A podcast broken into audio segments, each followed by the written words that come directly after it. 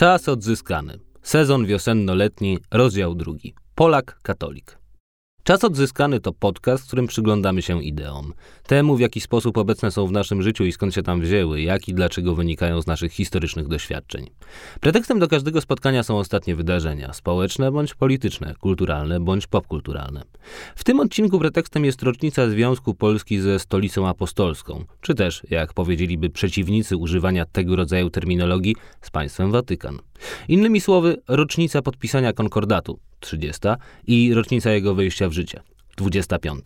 Z tej okazji zaprosiłem profesora Andrzeja Ledera z Instytutu Filozofii i Socjologii Polskiej Akademii Nauk, filozofa i eseistę, autora przełomowej pracy pod tytułem Prześniona rewolucja ćwiczenie z logiki historycznej, by porozmawiać nie o konkordacie samym, lecz o tym, w jaki sposób pewna figura, którą ucieleśniał i utwierdzał, w ogóle się w naszym, w polskim myśleniu narodziła.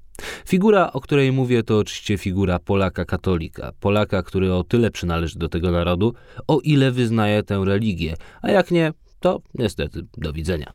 Trudno właściwie o temat bardziej aktualny. Od mniej więcej trzech lat przez Polskę przetacza się debata na temat tego, jakie miejsce w życiu naszego narodu zajmuje Kościół katolicki. Niektórzy, między innymi ja, wychowani w duchu całkowicie sekularnym, którzy na jakąkolwiek rolę przyznawaną Kościołowi patrzą zrazu z wszechogarniającym zdziwieniem, nie są z początku w stanie jej zrozumieć. No bo jak w końcu pojąć to, że po ukazaniu się wielkiego reportażu jednej ze stacji telewizyjnych na temat tego, że Jan Paweł II wiedział o przypadkach molestowania dzieci w kościele już wtedy, gdy był krakowskim arcybiskupem, procent Polaków uznających papieża za autorytet wyłącznie wzrasta? Jak pojąć to, że po premierze filmu Braci Sekielskich Tylko nie mów nikomu, w Polkach wyłącznie silniejsze jest przekonanie, że kościoła katolickiego należy bronić? Co więcej, jak połączyć to ze strajkiem kobiet sprzed trzech lat, nie tylko w wielkich miastach, ale też w mniejszych ośrodkach kościołowi jako instytucji, która lobbowała za niemal całkowitym zakazem aborcji w naszym kraju, się przeciwstawiono? Jak te odmienne postawy łączą się w jednym narodzie, jednej zbiorowości, jednej komórce społecznej, rodzinie, osobie?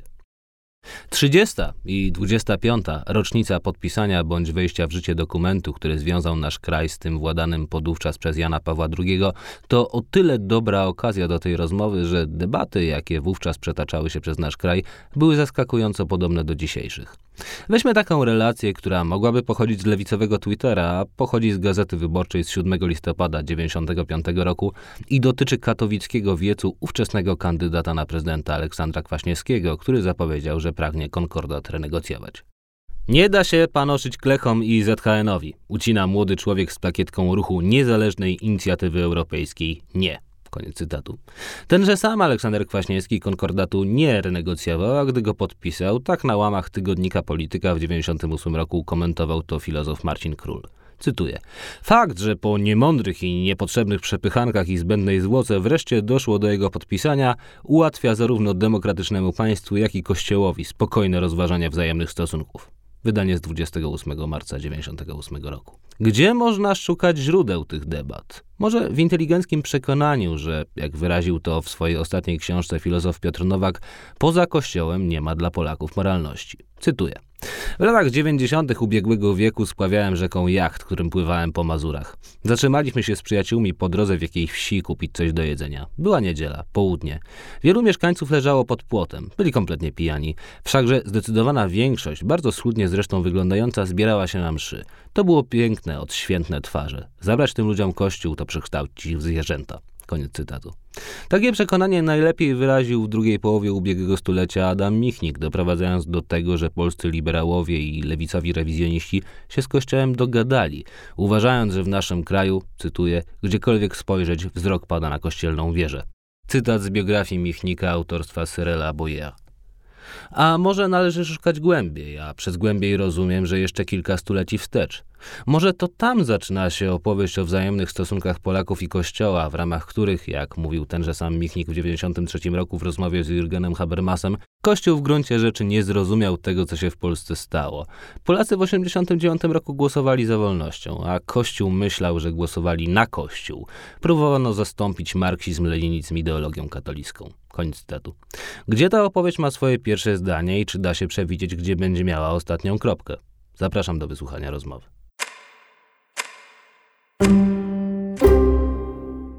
Profesor Andrzej Leder, filozof, Instytut Filozofii i Socjologii Polskiej Akademii Nauk jest moim gościem. Dzień dobry. Dzień dobry.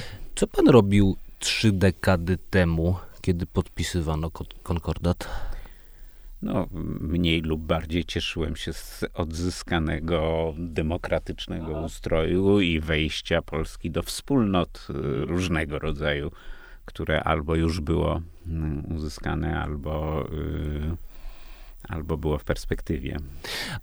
I nie było gdzieś z tyłu głowy, że właśnie ten konkordat to może być jednak coś groźnego i coś, co to wejście do wspólnot no, w jakiś sposób przeszkodzi.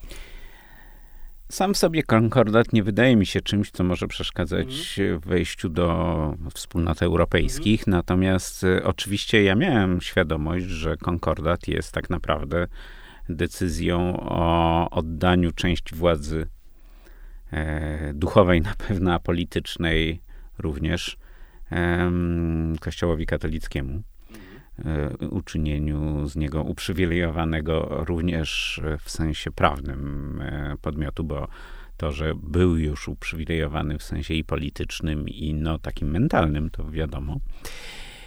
E, wiele ruchów, które no, wówczas, czy wiele decyzji, które wówczas mm, podjął najpierw Tadeusz Mazowiecki, a potem później dalsze rządy E, wydawało mi się niesłusznych, e, łącznie z wprowadzeniem religii do mhm. szkół, e, czy mm, uprzywilejowaniem już wówczas zaczynającym się uczelni katolickich w, no, w takiej sytuacji różnorodności uczelni, która mogła wtedy istnieć. Nie zmienia to faktu, że władza no, partii, która, czy ugrupowania, które było, czy nawet kręgu personalnego, bo to chyba tak trzeba mhm. nazwać, które było chadeckie. No i rzeczywiście bardzo silna pozycja Kościoła katolickiego w Polsce no, powodowała, że trudno było się temu jakkolwiek przeciwstawić. A kiedy się ta silna pozycja narodziła? Albo inaczej, kiedy ukształtowało się w Polsce przekonanie, że jest jedna moralność, czyli moralność katolicka? E, znaczy, można tutaj sięgać e, bardzo głęboko w historię. No właśnie. Można sięgać XVII wieku, mhm. kiedy na skutek wojen e, z najeźdźcami mm, różnego, mm, różnej proweniencji, ale jednak w tym bardzo ważne były wojny z protestanckimi Szwedami i prawosławnymi Rosjanami już nie mówiąc o islamskiej Turcji, w Polsce w zasadzie dokonała się bardzo brutalna e, unifikacja religijna. Znaczy Polska jeszcze renesansowa była krajem, w którym hegemon polityczny, szlachta e, był, miał różne mhm. oblicza mm, wyznaniowe. E, no, najpotężniejsi ludzie w Polsce wieku, bywali kalwinami na przykład. Na przykład, tak, byli bracia polscy, no była jednak ogromna część szlachty prawosławnej po prostu wywodzącej się z ziem ruskich.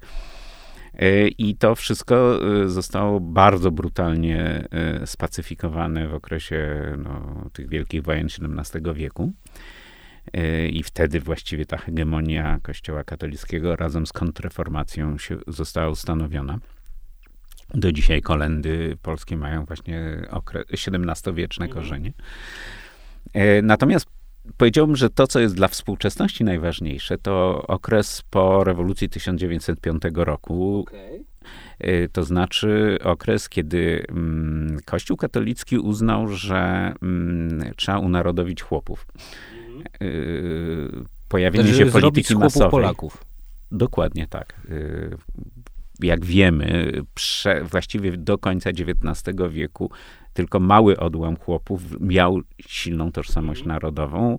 E, jeszcze w, na po, początku XIX wieku, czy w połowie, w okresie na przykład e, rabacji galicyjskiej, e, słowo Polak oznaczało szlachcica polskiego. Było Jak polonus sum. A, y, a na przykład w Galicji y, chłopi byli nazywani Mazurami. Bardzo dziwny sposób. I, y, i, y, I kiedy pojawiła się polityka masowa, y, w zasadzie dwa pokolenia po y, zniesieniu poddaństwa,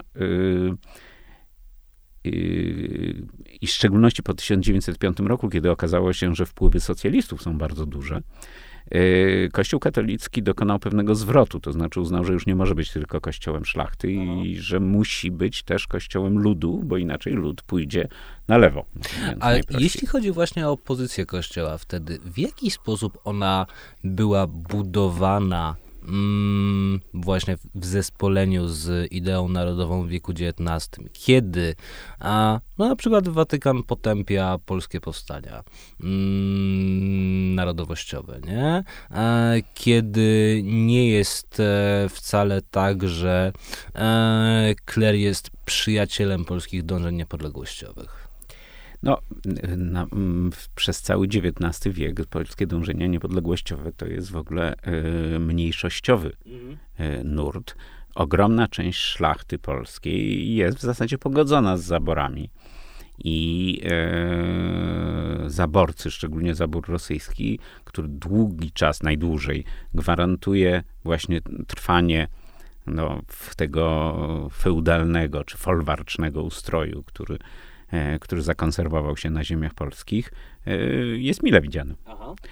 E, dopiero właściwie no, po powstaniu styczniowym i po ogólnorosyjskim zniesieniu poddaństwa mm, ta, ta, postawa jest, staje się o wiele bardziej ambiwalentna w mhm. stosunku do no, zaborców. I yy, co nie zmienia faktu, że Kościół nadal reprezentuje w gruncie rzeczy ten model, no powiedzmy, hierarchiczny, folwarczny sposób myślenia. Zresztą reprezentuje go, go do dzisiaj. Wystarczy spojrzeć na pałace, pałace biskupie, które po prostu wyglądają jak feudalne siedziby. Albo też na arcybiskupa Dydycza w Karocy. To, to wszystko się składa na pewien bardzo taki, powiedziałbym, znaczący obraz i symptomatyczny. I, yy, i ten, ta postawa Kościoła y, utrzymywała się właśnie do momentu, kiedy w Polsce wyłoniła się y, polityka masowa, to znaczy z jednej strony wyłoniła się, czy pojawiła się klasa robotnicza, mm. która zaczęła iść w kierunku y, no, różnych nurtów lewicowych, przede wszystkim różnie rozumianego socjalizmu, a z drugiej strony na wsi pojawiły się partie chłopskie, z mhm. których część była no, taka bardziej konserwatywna, część była bardziej lewicowa, ale e, one reprezentowały interes e, klasowy chłopów, który był bardzo mocno określony przeciwko szlachcie. Jasne, to dlaczego w 1856 pojawia się ten e, dwuwers tylko pod krzyżem, tylko pod tym znakiem Polska jest Polską, a Polak Polakiem. Dwuwers przypisywany zresztą Mickiewiczowi przez e, długi czas błędnie. Czy to jest jakiś syndrom sztokholmski, że tutaj mamy kogoś, kto niby sympatyzuje z zaborcą jako z organizmem politycznym, który, e, który ma nas pod panowaniem i powinniśmy być przeciwko niemu, no ale jednak jesteśmy a, mu nie tyle życzliwi, ile widzimy w nim kamień węgielny swojej tożsamości. Y, jest jednocześnie ten drugi bardzo potężny no. fakt, który akurat często jest przytaczany, mianowicie, że zaborcy, szczególnie ci najgroźniejsi, czyli Rosja i Prusy, to są jednocześnie innowiercy. To znaczy Rosja prawosławie, mm, Prusy protestantyzm i e, w związku z tym e, tożsamościowe określenie się tej części, tego odłamu szlachty, ziemiaństwa i inteligencji, które e, jednak chciały wrócić do niepodległego państwa polskiego, co dodajmy znowu, była tylko część polskiej szlachty i ziemiaństwa, pozwalało to definiować tożsamość Y, tożsamość narodową, jednocześnie definiując tożsamość religijną.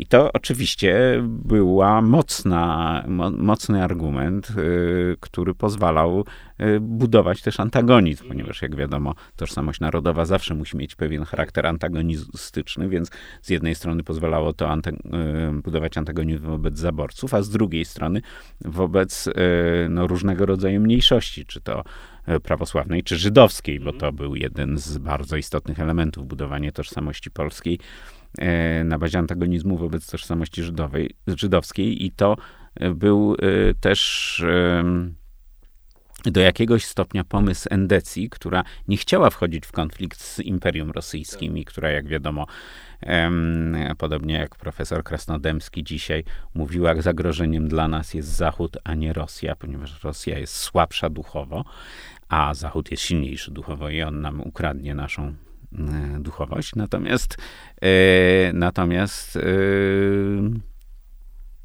jednocześnie chciała Endecja tworzyć politykę masową, czyli opartą jednak o mobilizację polityczną mas ludowych i po to, żeby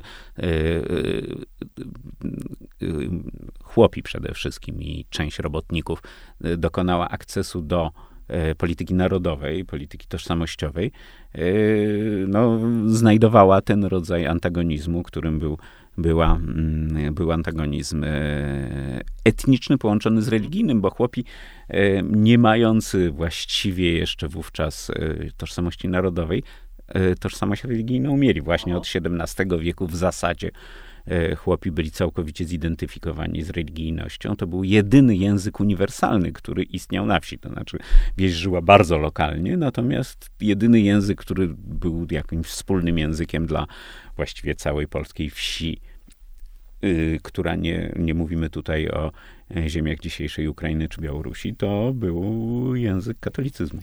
Kim są przeciwnicy tego, tej figury, figury Polaka katolika przed XX wiekiem. Jeszcze powiedzmy w XVII, XVIII, XIX stuleciu. No, w XVII to są innowiercy. Tak. I to są polscy innowiercy, renesans Mikołaj Rej później no, mamy kalwinizm w Polsce, mamy różnego rodzaju formy luteranizmu, ale mamy też e, no właśnie, że tak powiem, nasze autentyczne rodzaj herezji, czyli braci polskich. Tak. Natomiast, y, natomiast y, wydaje mi się, że znowu dla współczesnej y, polskiej y, tożsamości, polityki i kultury bardzo ważny jest y, nurt liberalny, którego ja bym powiedział patronem mógłby być Tadeusz Kościuszko. Mhm. E, ale właściwie przez cały XIX wiek ten nurt liberalny na różne sposoby, czy liberalny, lewicowy, na różne sposoby się ujawnia. To znaczy wielokrotnie w ciągu mm, całej historii e, ruchów politycznych w Polsce pojawia się ten głos, e, że Kościół nie powinien mieć tak silnej e, roli w Polsce i nosicielami tego ruchu byli czerwoni w powstaniu styczniowym, nosicielami tego, tych ruchów były różnego rodzaju też ruchy polityczne, które powiedzmy, że na przełomie XIX i XX wieku najczęściej właśnie miały charakter socjalistyczny. Oczywiście, jak wszyscy wiemy, Piłsudski był też socjalistą. I, yy, I one były oczywiście związane z europejskim ruchem takiego no, szeroko rozumianego oświecenia i pozytywizmu, yy, które na przykład się w XIX wieku bardzo silnie yy, wyrażało przez wolnomularstwo. E, e, w związku z czym e, no, Kościół katolicki poniekąd słusznie uważał, że jego największym przeciwnikiem jest masoneria. Mm, te, te, te wszystkie nurty w dużym stopniu inteligenckie i nie mające bardzo silnego osadzenia szczególnie na wsi, a jednak 70% polskiego społeczeństwa to byli chłopi, e, ale mające na przykład osadzenie w ośrodkach miejskich, tam gdzie był przemysł. I to jest nieprawdopodobne, jak to jest trwałe, bo na przykład do dzisiaj Częstochowa, która wiadomo, stolica katolicyzmu polskiego, jest jednocześnie rządzona przez e, lewicę, głównie dlatego, że to był ośrodek przemysłowy i że tam była chusta Częstochowa. Podobnie jest w Łodzi. E, I, znaczy, która nie jest rządzona przez lewicę, ale jest, y, ma bardzo silną taką tożsamość lewicową. I, y, i te wszystkie siły, to znaczy z jednej strony liberalna inteligencja będąca pod wpływem no, europejskiego oświecenia, bym tak to określił, a z drugiej strony y, ruchy lewicowe zdecydowanie widziały w kościele katolickim i w nacjonalizmie, który reprezentowała Endecja, i zagrożenie no, w sensie takim kulturowym, ale przede wszystkim e, sojuszników Rosji, to znaczy e, siły, które w gruncie rzeczy chcą utrwale, utrwalenia władzy rosyjskiej w Polsce. A jak to wygląda wtedy na Zachodzie? Bo mamy oczywiście pod koniec XVIII wieku a, wielki wstrząs w postaci rewolucji francuskiej. A, no i nagle okazuje się, że a, sojusz tronu i ołtarza nie musi być wcale a, tak oczywisty, jak się wydaje. Znaczy, że sojusz strony ołtarza to jest trochę fałszywa świadomość. E, jak to wygląda na Zachodzie w XIX wieku, kiedy, e, kiedy, kiedy, kiedy w Polsce wygląda e, to tak, że język religijny właściwie jest jedynym językiem uniwersalnym, narodowym? Na wsi. Na wsi. Bo jeżeli mówimy o inteligencji, tak, tak, tak, tak, to jest zupełnie inne. Yy, no, to bardzo zależy od kraju, o którym mówimy. Znaczy, Zachód to jednak jest Francja, Anglia, Niemcy przede wszystkim, Niderlandy yy, i na przykład Włochy też. Więc, yy, więc wszystko to zależy od tego, który kraj mm, rozpatrujemy. W XIX wieku jednak stolicą, jak pisał Walter Benjamin, XIX wieku jest Paryż, czyli Francja. Niezwykle istotnym, bo najpotężniejszym krajem kolonialnym jest Wielka Brytania. E, no i na pewno coraz większą potęgą, przede wszystkim przemysłową, stają się Niemcy, więc mówiąc o tych trzech krajach, to we Francji właściwie cały XIX wiek to jest potężny konflikt pomiędzy e, tradycjonalizmem, który jest skupiony wokół Kościoła katolickiego oraz monarchistów. Na szczęście dla Francji ci monarchiści są skłóceni między sobą dwie dynastie, które, e, które walczą o to, która z nich ma wrócić na tron, szachują się wzajemnie i w związku z tym e, tak, najpierw mamy Napoleona III, który wykorzystuje to i, i wprowadza w zasadzie dyktaturę bonapartystowską. No a potem mamy trzecią republikę, która właściwie historia trzeciej republiki to jest ciągły spór z kościołem i w którym to e, sporze ostatecznie ta laicka strona w zasadzie zwycięża, szczególnie w okresie sprawy Dreyfusa, czyli wokół przełomu XIX i XX wieku. Ale jest to spór, w którym strony mają swoje, że tak powiem, sukcesy, porażki i potężne e, siły za sobą. We Francji tradycja republikańska jest laicka ze względu właśnie na rewolucję francuską i w związku z tym republikanie ogólnie rzecz biorąc, nawet jeśli nie są wcale lewicowi, e, są zwolennikami laicyzacji. No, w Wielkiej Brytanii mamy ten e, stosunkowo szczególny, specyficzny kościół państwowy anglikański, więc on w małym stopniu odgrywa już w XIX wieku rolę polityczną. E, owszem, odgrywał ją w XVII wieku, kiedy Purytanów wypędzano i oni zakładali Stany Zjednoczone, ale ale w XIX już nie. W Niemczech natomiast mamy y, tą sytuację, w której y, katolicyzm jest jednak przez y, dokonujące zjednoczenia państwo pruskie traktowany jako religia Gorsza obca. religia. Gorsza. Tak. I w związku z tym nigdy nie mamy takiej hegemonii religijnej, jaką, jaką gdziekolwiek no, w świecie takim jak jak Polska, ale nawet w austro-węgierskiej monarchii ma Kościół katolicki, już nie mówiąc o na przykład o Włochach, gdzie e, wprawdzie jest potężny spór między powiedzmy tymi zjednoczeniowymi ruchami, które reprezentuje Garibaldi, a, e, a Kościołem katolickim Watykanem. Wiemy, że to był potężny konflikt, który, w którym ostatecznie też e, zjednoczenie Włoch dokonało się w gruncie rzeczy przeciwko Kościołowi katolickiemu. E, jednocześnie mamy w cały XIX wiek e, niesłychanie silną, e, emancypacyjną ideę tego, że społeczeństwo mieszczańskie próbuje się odciąć od e, społeczeństwa feudalnego, a Kościół katolicki jest głęboko związany z, z feudalnym modelem społeczeństwa i w związku z tym mieszczaństwo właściwie do końca XIX wieku raczej jest po stronie laicyzującej. Dopiero w XX wieku dokonuje się taki zwrot y, sojuszu, głębokiego sojuszu mieszczaństwa z Kościołem. Dobra, mamy rok 1905 i mamy 13 lat do odzyskania niepodległości.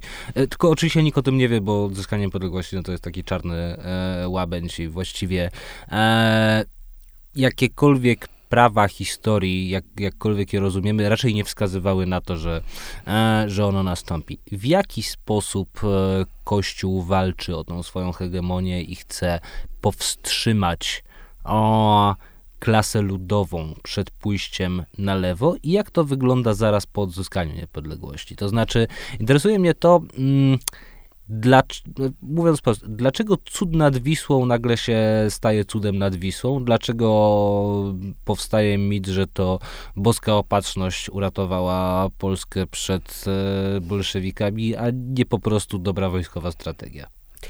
Y, no, znaczy przede wszystkim Kościół w sojuszu z Narodową Demokracją okazuje się bardzo skuteczny. Jest taka ciekawa koncepcja dotycząca właśnie rewolucji 1905 roku i okresu po niej, mianowicie y, zresztą amerykańskiego historyka Roberta Bloblauma, y, o y, takim, powiedziałbym, narastaniu ruchu rewolucyjnego, maksimum i potem o deflacji rewolucyjnej. I to jest taka teza dość uogólniająca, mówiąca o tym, że w okresach deflacji wraca się do tożsamościowych tak. postulatów. Tak jak e, sama rewolucja była niesłychanie internacjonalistyczna, tam e, robotnicy polscy, żydowscy, niemieccy wspólnie e, bronili się przed kozakami, tak w momencie opadania tej fali rewolucyjnej i rozbijania właściwie ruchu robotniczego, yy, bardzo skuteczne okazały się te tożsamościowe podziały. E, I e, rzeczywiście można powiedzieć, że w ciągu ty, tego okresu do I wojny światowej w dużym stopniu e, na przykład Narodowy Ruch Robotniczy uzyskał bardzo silne wpływy wśród robotników, na przykład w Warszawie. Mm, I ogólnie rzecz biorąc, ten sojusz, to znaczy sojusz Kościoła i narodowej demokracji okazał się być skuteczny. Okazał się być politycznie skuteczny. E, wynika z tego to, że jednak w momencie, kiedy dochodzi do mm, ustanowienia demokracji w Polsce parlamentarnej, w dużym stopniu zresztą z inicjatywy socjalistów, bo jak wiadomo, pierwszy rząd i pierwsza siła wojskowa właściwie w Polsce to są instytucje tworzone z inicjatywy socjalistów. Jednocześnie y, y, największą siłą polityczną jest narodowa demokracja. Mhm. I y, 30% mniej więcej, co znowu pewna ciągłość tutaj jest fascynująca, ponieważ to jest mniej więcej właśnie elektorat e, pisowski w dzisiejszych czasach. I, i y, to y, jest y, jakby wyraz pewnego rodzaju pracy, którą można powiedzieć e, e, wykonało Narodowe Stronnictwo w tym okresie od rewolucji 1905 roku do odzyskania niepodległości.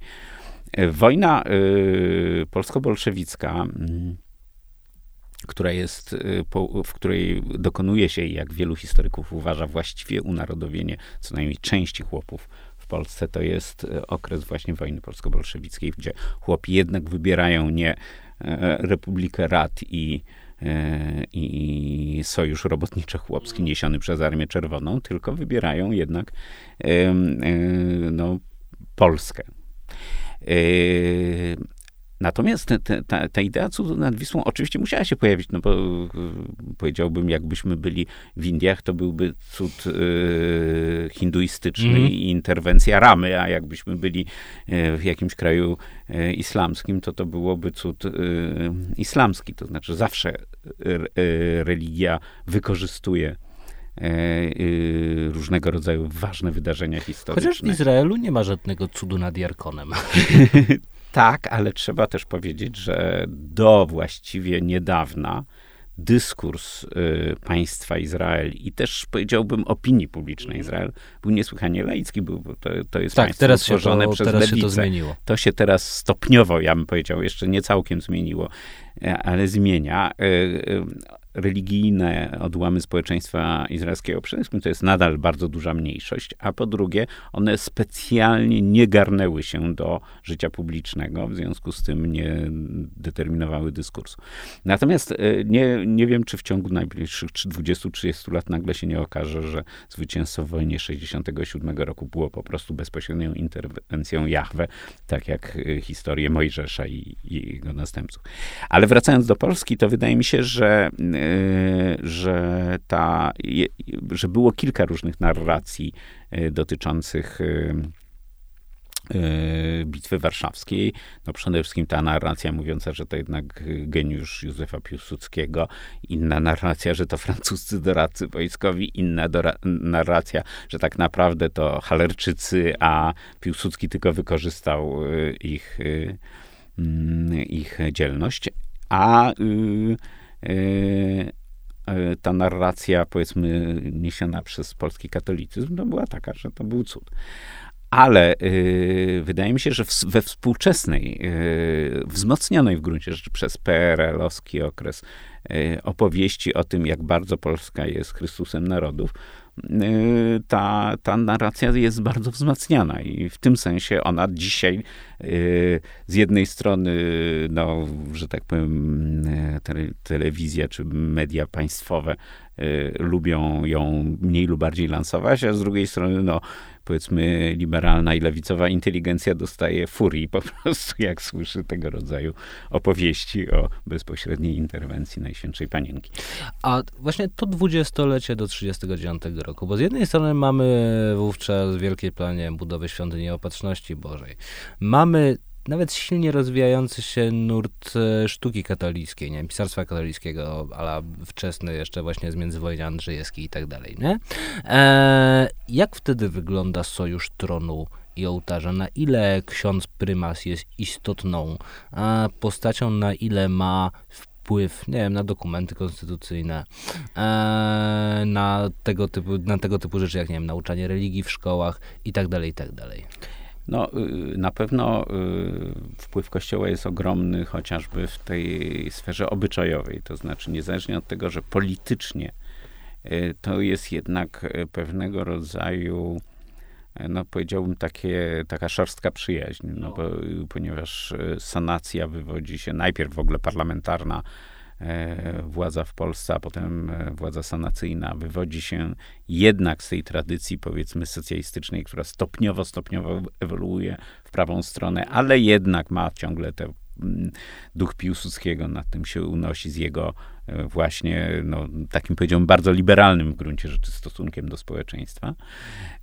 Z drugiej strony, no, wszyscy politycy w Polsce uznają, że właśnie jest ta mm, nieprawdopodobna siła i wpływ E, Kościoła katolickiego na wieś. Wieś jest ogromną e, większością narodu, również na część środowisk miejskich. E, potęga endecji tutaj jest też i bardzo istotna i to wszystko powoduje, że mm, cały czas ogromne koncesje wobec Kościoła są dawane. No przede wszystkim właśnie na przykład y, zakaz rozwodów, wpisywanie wyznania w dokumenty i tak dalej, tak. To wszystko jest podtrzymywaniem e, potęgi Kościoła, jego obecność w szkole i e, temu podobne.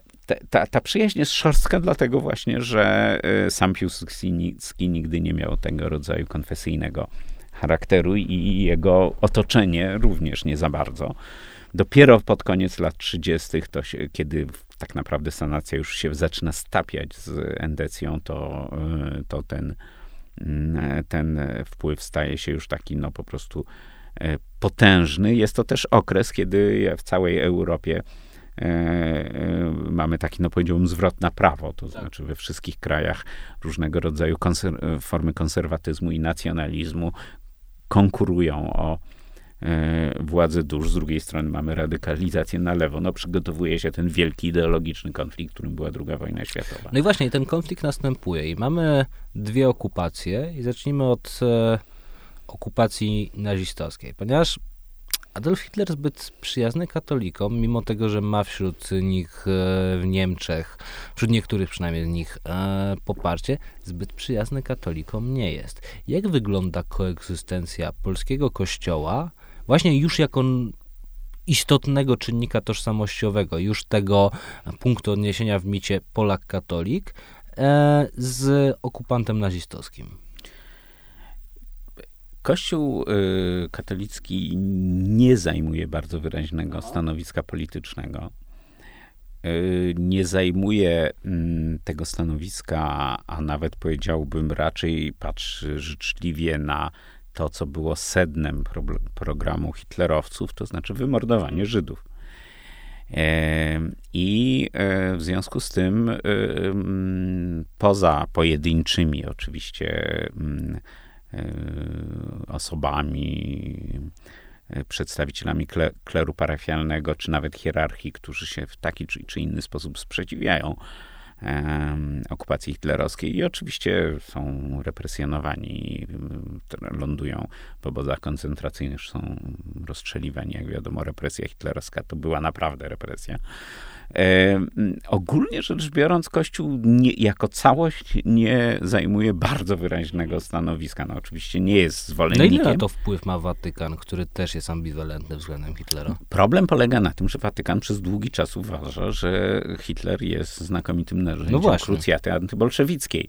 W związku z tym, mimo tego, że Hitler nie jest, no, nie, nie, znak krzyża e, nie zastępuje swastyki, to jednak, e, to jednak i Watykan, i, i wielu hierarchów w wielu krajach y, mówi z dwojga złego, zdecydowanie wolimy Hitlera niż Stalina. I, y, i to się jakoś odzwierciedla, ale moim zdaniem to nawet nie jest y, bezpośredni wpływ Watykanu. Ja zbyt słabo znam bez, tą historię dyplomacji ówczesnej, żeby móc o tym opowiedzieć. Natomiast wydaje mi się, że to bardzo też tkwiło po prostu w postawach. To znaczy, że z jednej strony Kler nie uważał siebie za podmiot y, prowadzący walkę zbrojną, czy nawet ją jakoś bardzo silnie mm, wspierający. Chociaż wiemy, że bardzo wielu księży wspierało oddziały partyzanckie, to jakby na indywidualnym poziomie było bardzo częste. E, natomiast e, z drugiej strony, tak jak mówiłem, ten podstawowy program hitlerowców, czyli wytępienie Żydów i bolszewików, no, cieszył się powodzeniem wśród wielu przedstawicieli kleru i to, że znikała ludność żydowska w wielu miejscach, wskutek działań zresztą polskich mieszkańców tych terenów, po prostu było całkiem w zgodzie z pewnym duchem, który no, opierał w dużym stopniu na, na antysemityzmie narodową tożsamość polską. Przychodzi wyzwolenie. Co się dzieje wtedy z tymi, którzy uważają, że a no właśnie Polak katolik to jest e, ta podstawowa figura. Czy oni mają przez chwilę nadzieję, że rzeczywiście będzie znowu druga RP i ta figura wejdzie na pierwszy plan, czy jednak szybko się orientują, że pod e, okupacją stalinowską a, no, nie nadchodzą dla nich zbyt miłe dni, by to tak eufemistycznie ująć? No, mamy z jednej strony y, bardzo ten y, bezpośrednio następujący po wyzwoleniu okres, kiedy y, jest nadzieja, że jakaś forma demokracji w Polsce e, będzie istniała i wtedy no, PSL Mikołajczyka skupia niesłychanie silnie wszystkie właściwie ruchy, czy, czy opcje, które nie są prokomunistyczne. I no, oczywiście Kościół jest wtedy po tej stronie. To się oczywiście też wiąże z nadzieją na trzecią wojnę światową i na to, że Amerykanie przyjdą. Potem ta nadzieja wygasa, następuje zimna wojna. I e, już po 1947 roku, kiedy następuje no, taka prawdziwa stalinizacja Polski, bo ten pierwszy okres to raczej jest taki rozgardiaż, bym to określił, tak? E, e, Kościół się zamyka w twierdzy, ja bym powiedział, aczkolwiek zawsze też negocjuje, bo są różne interesy, powiedziałbym, wielowiekowe, na przykład e, włączenie ziem zachodnich do, mm, czy możliwość włączenia ziem zachodnich do pol, pod władzę polskiej hierarchii kościelnej, czyli wyłączenia spod władzy niemieckiej hierarchii kościelnej, to jest taka, taka stawka, y, która dla Kościoła polskiego jest niesłychanie ważna i on e, bardzo próbuje na różne sposoby do tego dążyć. Natomiast no, okres uwięzienia e, prymasa... E, Ale też wcześniej skazanie biskupa kieleckiego i tak dalej. Cały ten e, okres, kiedy no, po prostu ci y, hierarchowie, którzy nie chcą ewidentnie poddać się władzy, już nie tylko współpracować, ale poddać się władzy aparatu komunistycznego, stalinowskiego, no to jest okres bardzo głębokiej wrogości. Istota rzeczy polega znowu na tym, że ponieważ Władysław Gomułka e, zdefiniował politykę komunistów polskich w taki sposób, że po to, żeby móc mieć w Polsce władzę, która nie będzie e, e, opierała się na tak naprawdę no, ludobójstwie, trzeba przejednać chłopów. Dlatego przeprowadzono bardzo gwałtowną reformę rolną.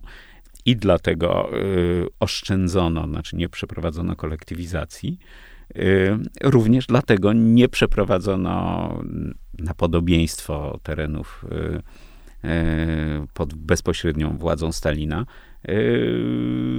tak głębokich represji wobec Kościoła, ponieważ gdyby w Polsce była taka polityka, jaka była w Rosji w latach 30., no to po prostu kardynała Wyszyńskiego by rozstrzelano, a Kler by został wysłany do obozu.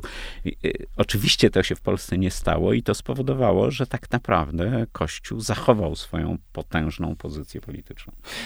A jak wygląda wtedy taki koncesjonowany państwowo katolicyzm. I idzie mi na przykład o Piaseckiego, który z Bola staje się Bolesławem, zakłada Instytut Pax i nawet ma całkiem niezłą kartę wydawniczą. To ja, ja czasem jestem zaskoczony, jak wiele klasycznych tekstów konserwatystów amerykańskich, ale też europejskich jest wydanych w Polsce tylko raz i to są wydania paksowskie z początku lat 60. Na przykład, nie wiem, e, Natural Right and History Leo Strossa jest wydane tylko, tylko raz, tylko i właśnie, właśnie przez Pax. Ale właśnie jak wygląda ta kwestia tego katolicyzmu, a, który nawet można powiedzieć, no partia jakoś wspiera, w tym względzie, że potem Piasecki zostaje członkiem Rady Państwa itd. itd. Na pewno trzeba widzieć tutaj cały proces historyczny, to znaczy czymś innym jest moment, kiedy yy, komuniści, a właściwie aparat bezpieczeństwa proponuje yy, Piaseckiemu no po prostu wyjście z celi śmierci i e, założenie paksu. No i to jest element e, stały polityki stalinowskiej, czy w ogóle władz komunistycznych, a właściwie każdej dyktatury, że próbuje znaleźć w e, każdym niezależnym mm, każdej niezależnej instytucji politycznie silnej jakiś, jakiś secesjonistów, jakiś odłam, który będzie gotów z tą władzą współpracować. I dokładnie to samo E, robili e, stalinowscy komuniści w Polsce. E, z drugiej strony mm, jest coś bardzo charakterystycznego w tym, że w gruncie rzeczy Polska stalinowska realizowała do jakiegoś stopnia program ONR-u. To znaczy, mm. kiedy czyta się na przykład o tym, jak powinna by zostać zorganizowana polska młodzież po rewolucji nacjonalistycznej, którą ONR w 30 latach proponował, to ZMP jest ucieleśnieniem do jakiegoś stopnia tego, tego ideału i wiele elementów e, e, tego państwa, które stworzyła, stworzyło PRL, odpowiadał w jakimś stopniu ideałowi e, Piaseckiego. I, no i to, to jedno z drugim powodowało, no a rozumiem, że Piasecki sam sobie stawiał taki cel, dobra, państwo jest strukturalnie dość podobne do tego, co, czego byśmy chcieli. No wprawdzie ideologię ma zupełnie nie taką, ale jak uda nam się, że tak powiem, zachować jakieś, jakąś substancję, to może wcześniej czy później uda nam się też mm, e, przekabacić to państwo. I to była całkiem racjonalna gra, dlatego że po 56 tak naprawdę y, próba komunizacji polskiego społeczeństwa się kończy. Już właściwie no, nie towarzysz Stalin mówi, że to jak siodłać krowę. Poniekąd, tak, to jest bardzo dobre określenie. I, yy, i z braku, znaczy w momencie, kiedy taka ideologia, powiedzmy, komunistyczna przestaje, yy, taka w sensie stalinowskim, być tą dominującą, zaczyna się rozgrywka pomiędzy znowu tym, co w Polsce zawsze jest, są podmioty rozgrywki, czyli takim nurtem, powiedzmy, socjalistycznym z liberalnym, bardzo silnym y, rysem, a y, nacjonalizmem polskim, który i ta rozgrywka przenosi się w obręb y, władzy, czyli partii. Ale ta rozgrywka też jest jakoś w środku kościoła, bo mm, ja bym to umiejscowił na początku lat 60., ale proszę mnie poprawić, jeśli się mylę. to znaczy, że powstają w Polsce trochę dwa katolicyzmy. Z jednej strony mamy taki katolicyzm inteligencko-wielkomiejski, no, klub inteligencki katoli katolickiej, z drugiej strony mamy katolicyzm wiejski, a, który, który, który, będzie, który będzie zupełnie inny. Jak wygląda mm, właśnie ta figura Polaka katolika między tymi dwoma katolicyzmami? Wydaje mi się, że, że tutaj y, no, decydująca jest postawa kardynała Wyszyńskiego, który jest y, klasycznym przedstawicielem nacjonalizmu polskiego. Powiedziałbym, że po prostu klasycznym przedstawicielem endecji, y, a jednocześnie wybitnym politykiem, który potrafi y, zrozumieć, że po pierwsze, te reformy, które wprowadza drugi Sobór Watykański, Jan XXIII, w Polsce są zagrożeniem dla spoistości Kościoła i y, w związku z tym bardzo je hamuje. Ale z drugiej strony, no, ponieważ Kościół jest instytucją hierarchiczną, trzeba coś dać temu Watykanowi Jana XXIII i daje mu, powiedziałbym, tą inteligencję katolicką. Mhm. To jest politura, to jest coś bardzo powierzchownego moim zdaniem i to widać dzisiaj, to znaczy jak to zostało kompletnie zmiecione. Natomiast... Nie, e, no cały czas istnieje. Tak, ale wpływ na katolicyzm polski jest prawie żaden tego, tych środowisk. To znaczy one są, powiedziałbym... Znaczy powiedziałbym, że jest większy wpływ na samą inteligencję, no tak, ale... e, aniżeli na katolicyzm, nie? To znaczy, że jak mamy mm, nowe pokolenia kikowców, jak patrzę na niektórych swoich znajomych, to widzę po prostu mm, kik jako wehikuł do odtwarzania pozycji społecznej, którą mieli rodzice i dziadkowie.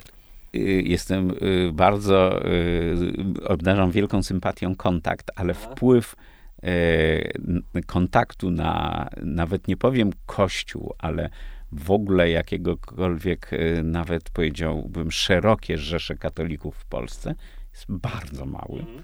I efekt tego jest taki, i moim zdaniem to już było do jakiegoś stopnia mm, świadomie tworzone, ten, ten dualizm, przez politykę kardynała Wyszyńskiego. Kardynał Wyszyński raczej chciał dokończyć tego dzieła, które, o którym mówiliśmy w związku z wojną polsko-bolszewicką, to znaczy tak naprawdę y, narodowego uświadomienia chłopów, ponieważ y, i to jest pogląd y, często też konserwatywnych historyków, w Polsce unarodowienie, czyli utożsamienie z Polską chłopskiej części społeczeństwa trwało do lat 60. Mm. Tak naprawdę obchody milenijne w 60. I wielka peregrinacja obrazu Matki Boskiej Dokładnie tak. Po Polsce, Była, tak. Były tym momentem, kiedy naprawdę najgłębsza głubinka, jak to ładnie po rosyjsku się nazywa, może dzisiaj cytowanie rosyjskiego jest dwuznaczne, e, czyli ta najgłębsza taka polska wieś w jakimś sensie się do tego uniwersalnego, narodowo-katolickiego języka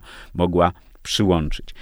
I, I to było główne, moim zdaniem, e, zadanie tożsamościowe z punktu widzenia kardynała Wyszyńskiego, a nie e, no, te zmiany i reformy, które mniej lub bardziej narzucał wówczas Watykan.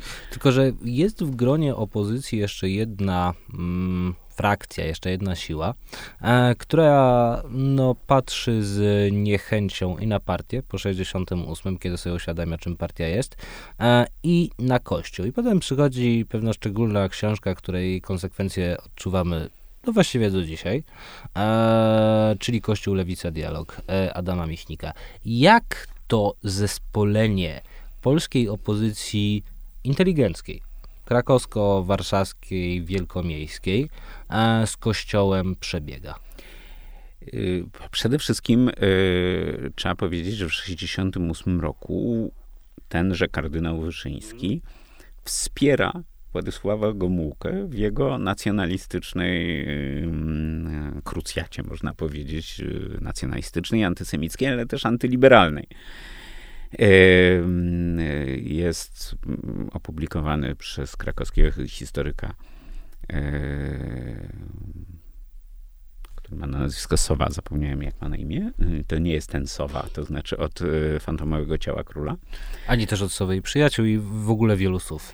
Y, który... Mm, chyba Andrzej Sowa. Moim zdaniem Marek, ale też się mogę mylić. Y, który właśnie cytuje po prostu list kardynała Wyszyńskiego do Władysława Gomułki, związany z tymi wydarzeniami, w których no, to jest taki list przywódcy duchowego do przywódcy politycznego, niesłychanie partnerski, mhm. który mówi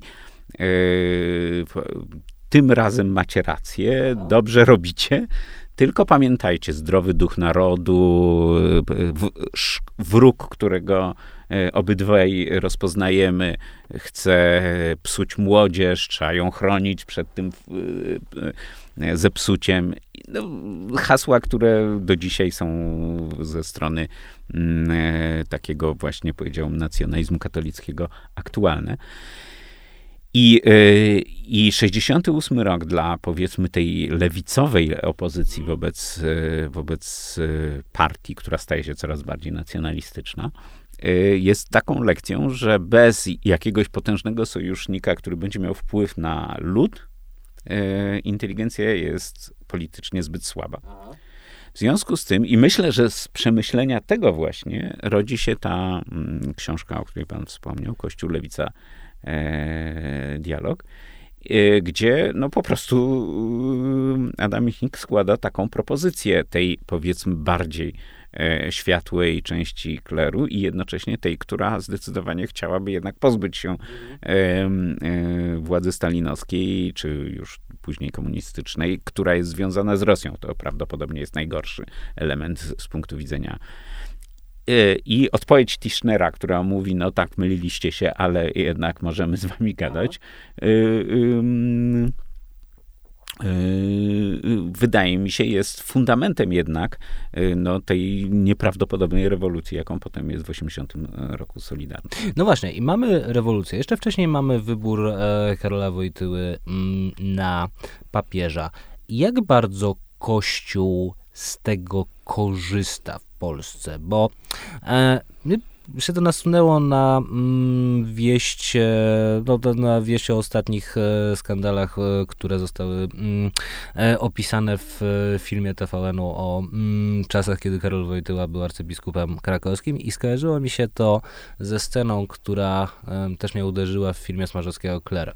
Tam jest taki, takie backstory jednego z księży, kiedy mamy właśnie rok 81, drugi, mamy młodego chłopca, który jest molestowany przez księdza, którego bodaj gra Rafał Mor. E, no i po molestowaniu tego chłopca, ksiądz, którego, gra Rafał Mor, idzie wygłosić kazanie. No i rzecz jasna, są partie Solidarności, są wielkie hasła opozycyjne i tak dalej, i tak dalej. Jak Kościół korzysta z tego, że nagle staje się mm, siłą opozycyjną w Polsce? No, przede wszystkim e, i y, sam okres Solidarności jest y, na pewno okresem wielkiego wpływu Kościoła, choć nie mm, tak y, wielkiego jak dzisiaj. Często to jest mm. Kościołowi przypisywane. Na pewno pielgrzymki odegrały rolę w takim w ogóle poczuciu że możemy tą rewolucję przeprowadzić. Mm, e, niemniej e, ruch Solidarności był ruchem przede wszystkim robotniczym i trzeba też pamiętać o takim e, aspekcie, który ten drugi Sowa, czyli Jan Sowa bardzo wyraźnie podkreślił w swojej książce o 80-81 roku, że to miał, był ruch, który nie był w najmniejszym stopniu podporządkowany Kościołowi, wręcz miał często Chociaż była Matka Boska Częstochowska na stoczni. Była w klapie, i, ale jednocześnie i postulaty, i sam dyskurs polityczny był zupełnie inny. Mm, kiedy, y, mm, kiedy rozmawiamy o pierwszym zjeździe Solidarności, to kwestie religijne odgrywały tam minimalną rolę, czy postulaty typowo kościelne. Natomiast, y, natomiast oczywiście stan wojenny bardzo silnie przesunął całą tą powiedziałbym, wrażliwość polityczną w kierunku Kościoła. No przede wszystkim dlatego, że już nie istniało e, pluralistyczne, demokratyczne społeczeństwo, które rodziło się wraz z rewolucją Solidarności. Po drugie, e, dlatego, że w, zawsze w okresach e, martyrologicznych istnieje ta tendencja, żeby chować się w murach kościelnych. A, y, a po trzecie, dlatego, że część księży co najmniej y, próbowała bardzo wspierać y, podziemną Solidarność. Dodaję część, ponieważ jak wiemy, znowu dzisiaj duża część hierarchii była absolutnie przeciwna temu, żeby Kościół katolicki mieszał się do, do polityki w tym sensie, żeby wspierał Solidarność. Natomiast bardzo ciekawy jest ten wątek, który mówi o tym, że specyficzna polityczna pozycja Kościoła katolickiego w Polsce wynikała oczywiście z istnienia e, polskiego papieża, który prowadził politykę, był politykiem, powiedziałbym, przede wszystkim, ale po drugie, z tak silnego antagonizmu, który dzielił polskie społeczeństwo, i to nie jest tylko tak, że to była, powiedzmy, e, ekipa jaruzelskiego kontra społeczeństwo, bo wiemy, że tak naprawdę poparcie dla stanu wojennego było bardzo powszechne na terenach, na przykład, które dzisiaj głosują na PiS. I, i ten, y, ten antagonizm społeczny powodował, że y, Kościół mógł dość łatwo odgrywać rolę no, tej trzeciej strony, czy mediatora, który, y, który wspierał rozmowy czy pokój społeczny. Był jego jak, w jakimś stopniu gwarantem. I to dawało Kościołowi w Polsce pozycję, której nie ma w wielu krajach, które też są katolickie. Na przykład Chorwacja jest krajem, w którym, e, którym tradycja katolicka jest bardzo silna, a, a jednak Kościół nie ma w ogóle tego rodzaju roszczeń nawet, żeby odgrywać taką rolę jak w Polsce. I w tym sensie y, rzeczywiście y, ta pozycja jest zupełnie wyjątkowa. I szczególnie w latach 90., kiedy tak naprawdę nie było żadnej kontroli. No właśnie, lata 90. Bo Ale, bo tu chcę jeszcze no. jedną rzecz dodać. Ze względu na to, że reprezentacja polityczna społeczeństwa na przełomie lat 80. i 90 to była jednak, yy, powiedziałbym, reprezentacja liberalna, właśnie ta inteligencja katolicka w sojuszu z pewnego rodzaju inteligencją laicką, opozycyjną, demokratyczną, yy, wywodzącą się z koru przede wszystkim, to yy, Kościół wówczas zawarł sojusz z liberałami, który nie jest dla Kościoła naturalnym sojuszem, ale trochę pod wpływem Jana Pawła II, który uważał, że wejście do wspólnot europejskich jest jedyną gwarancją niepodległości Polski, trochę pod wpływem e, właśnie tego, że jedyną rzeczywistą reprezentacją wówczas była ta reprezentacja liberalna. E, Kościół e, podtrzymywał ten sojusz i podtrzymywał wsparcie dla liberalnej części społeczeństwa, znaczy liberalnej reprezentacji politycznej społeczeństwa. Jeśli chodzi o lata 90., to mm, w 93 roku a Adam Michnik pisze taki tekst, który się nazywa Kościół Lewica Monolog, a i w tym samym roku w rozmowie z Jürgenem Habermasem stwierdza, że w Polsce po 89 roku Kościół uznał, że ten przełom będzie przejściem od totalitaryzmu czerwonego do totalitaryzmu czarnego, mówiąc filmem psy. A, jak to wygląda w trzeciej RP? Jak wygląda ta no, bardzo duża fala laicyzacji, której jesteśmy właściwie świadkami? Nie? To znaczy, jak y, patrząc na to trzydziestolecie, można by sobie tę kreseczkę na wykresie narysować? Co wpływa e, na laicyzację społeczeństwa i jak Kościół z tym walczy? I się ograniczę do roku 2020, konkretnie do października roku 2020.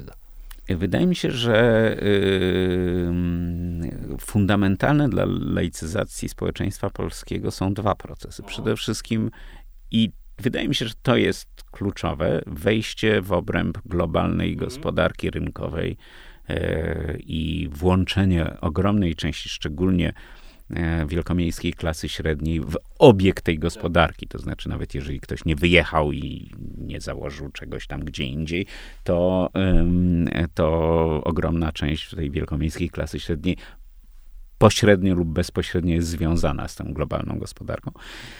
I oczywiście w związku z tym napływ e, tej obyczajowości, która mm, dotyczy wielkomiejskiej klasy średniej, e, globalnej północy dzisiaj. Dawniej się mówiło o zachodu, ja bym dzisiaj raczej Wszystkiego tego, co Kościół określa mianem permisywizmu. dużym stopniu tak. Też ideologia praw człowieka, w związku z tym ochrona wszelkich mniejszości. No jest tego wiele mm, takich, że tak powiem, punktów, które po kolei moglibyśmy wymieniać. Równość płci i tak dalej, i tak dalej. Y, I y, ten, y, ta fala wydaje mi się w 90 latach w sposób taki, powiedziałbym, bardzo z punktu widzenia logiki formalnej trudny do zrozumienia, łączyła się z takim obyczajowym i społecznym mhm obyczajową i społeczną hegemonią Kościoła. To, to znaczy, że niby uprawiamy seks przed ślubem i mieszkamy ze sobą przed ślubem, ale ślub będzie u księdza proboszcza. Nawet nie niby, po prostu. Z jednej strony bardzo y, szybko ewoluuje obyczajowość również seksualna, ale też we wszystkich innych obszarach a z drugiej strony cały czas rytuały społeczne są absolutnie pod kontrolą mm, e, Kościoła katolickiego, a ten, kto trzyma y, w ręku rytuały społeczne, ma ogromną władzę. Tu wiadomo, że starszy człowiek na przykład obawia się, że nie zostanie pogrzebany na e, cmentarzu. E, dla młodych ludzi w 90 latach problemem jest to, że rodzice będą się obrażą albo będą zasmuceni, a już Ale też, babcia. nie będzie roweru na komunie jeżeli nie będzie e, właśnie ślubu kościelnego, nie, roweru się nie dostanie, jeśli nie będzie komunii i tak dalej, i tak dalej. Więc ta władza jest ciągle bardzo silna. Z tego miejsca chciałbym podziękować mojej mamie, że chociaż nie miałem komunii, rower dostałem. to jest bardzo, wydaje mi się, ładne podziękowanie. I, yy, i ta, ten taki trochę schizofreniczny świat określa rzeczywistość i wydaje mi się, że w tym sensie właśnie Adam Michnik użył tych bardzo mocnych słów o totalitaryzmie. Mi się wydaje, że to jest raczej jednak autorytaryzm. Mhm. I to autorytaryzm jeszcze wówczas nie do końca zinstytucjonalizowany. To znaczy w Polsce można zupełnie swobodnie żyć poza kościołem e, w 90 latach. Natomiast ponosi się tego na przykład takie konsekwencje, że dziadkowie są zasmuceni tym, że nie ma ślubu kościelnego. A dlaczego to się zmienia? Czy to jest po prostu wymiana pokoleń i że kiedy jedno pokolenie widzi, że e, jego rodzice, co prawda chodzą, nie wiem, nawet nie co niedzielę e, do kościoła, ale chodzą na pasterkę, chodzą święcić jaja, posyłają mnie jako swoje dziecko na religię, ale tak naprawdę no, mają to gdzieś, to czy to dopiero to kolejne pokolenie musi uznać, no dobra, no to w takim razie to, to nie jest istotne, tak? Wydaje mi się, że tak. To znaczy też no, wiemy o procesach laicyzacyjnych no. już bardzo wiele, bo one są przedmiotem e, badań nie tylko w Polsce, ale w tych krajach, które dużo dalej się, że tak powiem, zaszły na drodze laicyzacji.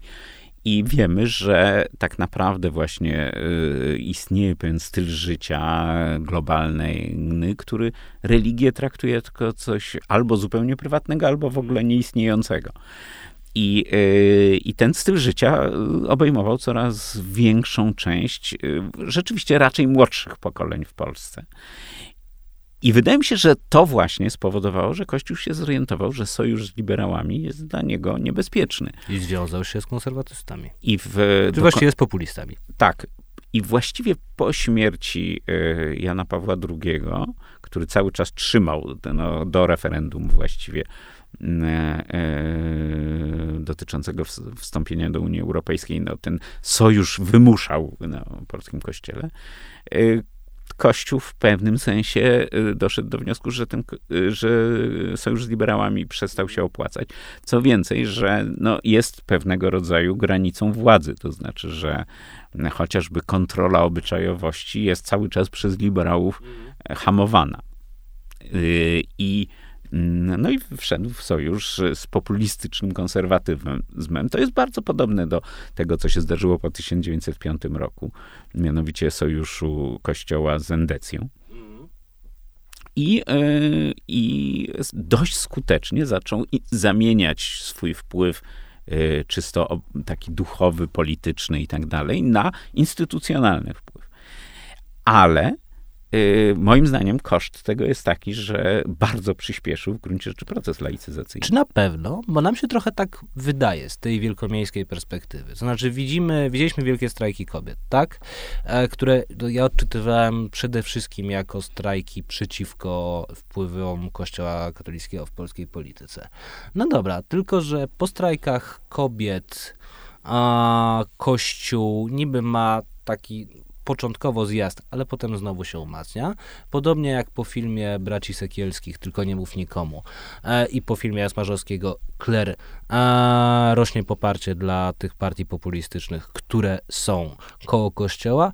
Przykład z ostatnich dwóch miesięcy po filmie TVN-u o tym, co wiedział Jan Paweł II, e, więcej Polaków niż wcześniej uznaje Jana Pawła II za autorytet. Co się dzieje z tożsamością Polaka katolika po roku 2020, po październiku? Przede wszystkim yy, procesy laicyzacyjne to są procesy, które dotyczą pokoleń, w związku z tym odbywają się wolno.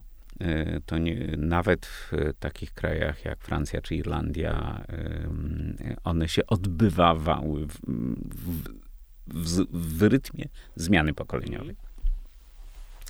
To, co, co, co jest do jakiegoś stopnia oczywiste, to to, że yy, o ile yy, nadal oparciem yy, dla Kościoła katolickiego jest to pokolenie, które jeszcze pamięta, powiedzmy, Solidarność PRL i lata 90., czyli mniej więcej 60-latków, o tyle mm, yy, w pokoleniach młodzieży ten wpływ Kościoła jest dużo mniejszy, no i wszystkie badania wskazują, że spada najszybciej w ogóle w Europie.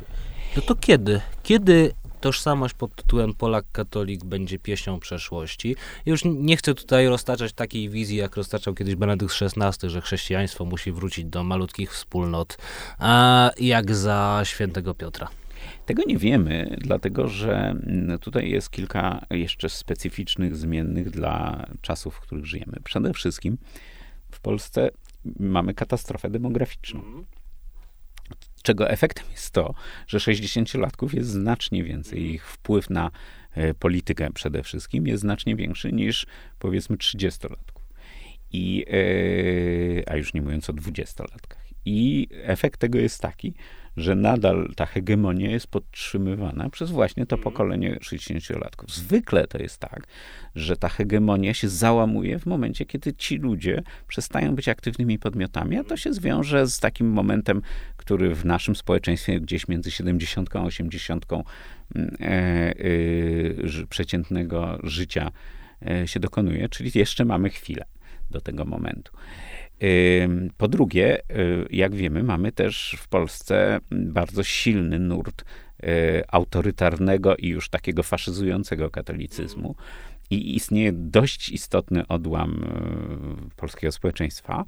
Istotny może nie w tym sensie, że to jest większość, tylko istotny w sensie, że to jest bardzo agresywna politycznie mniejszość, który chciałaby wprowadzić siłowy katolicyzm w Polsce. To się w zasadzie bardzo trudno udaje, ale nie można powiedzieć, że się nie udaje. No, generał Franco jest przykładem tego, że to się czasem udaje. Więc nie możemy, za, y, czy Salazar, więc, y, y, więc nie możemy wykluczyć tego, że w Polsce będzie też taki scenariusz, to znaczy, że w pewnym momencie jakaś nawet trochę mniejszościowa grupa, ale no, na pewno łamiąc demokrację, wprowadzi coś w rodzaju dyktatury o charakterze y, no, takim podobnym do frankistowskiej, powiedzmy, czy do dyktatury Salazara w Portugalii. I wreszcie, y, jeżeli te dwa scenariusze się, znaczy ten, szczególnie ten drugi się nie spełni, to sądzę, że właśnie jakiś taki okres 10-15 lat spowoduje, że no, wpływ Kościoła bardzo będzie spadał, ale on już jest bardzo instytucjonalnie zakorzeniony. Więc na przykład kwestia e, e, no, praw prokreacyjnych, myślę, że będzie stawką jeszcze wielu bitew. To nie jest tak, że one się zmieni, że, że tutaj e, wbrew temu, co głoszą aktualnie partie opozycji demokratycznej, że to tak hop, wchodzimy do parlamentu i zmieniamy to, te prawa. Nie, prawdopodobnie to będzie właśnie, zacznie się a referendum, a ustawa, a coś tam i tak dalej. Y, po drugie, myślę, że Również e, kwestia religii w szkołach i tego, i no, na przykład tego, do jakiego stopnia ona może być przedmiotem maturalnym, do jakiego stopnia e, stanie się w pewnym momencie przymusowa. To będzie kolejny element e, bardzo silnej rozgrywki, a też kwestia, idea wyprowadzenia religii ze szkół, która moim zdaniem jest głęboko słuszna i tak się powinno stać,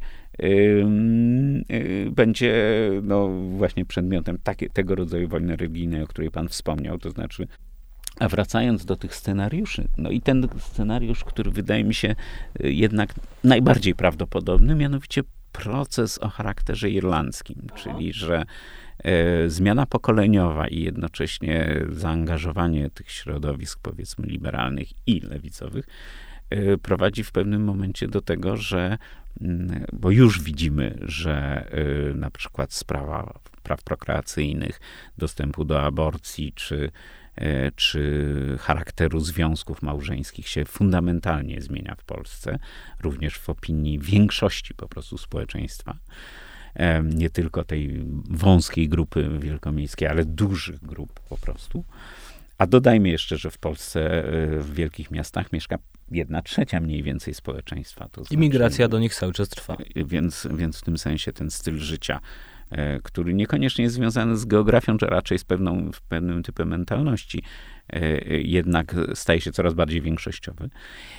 I, e, i to wszystko będzie prowadziło do tego, co się dzieje w tych większości krajów, które jeszcze niedawno były bardzo katolickie i nagle przestają być katolickie. To znaczy wraz z no powiedziałbym, takim zmieszczanieniem społeczeństwa, jednocześnie upowszechnia się ten e, globalny model życia, który, który e, stworzony został w Europie Zachodniej, mniej lub bardziej, czyli w zasadzie życia laickiego. Wydaje mi się to mimo wszystko, mimo tych wszystkich y, ale, o których wspominałem wcześniej, najbardziej prawdopodobny scenariusz. No to do zobaczenia za 15 lat. Profesor Andrzej Mam Leder, taką filozof, nadzieję. był moim gościem. Dziękuję bardzo. Dziękuję bardzo, do widzenia.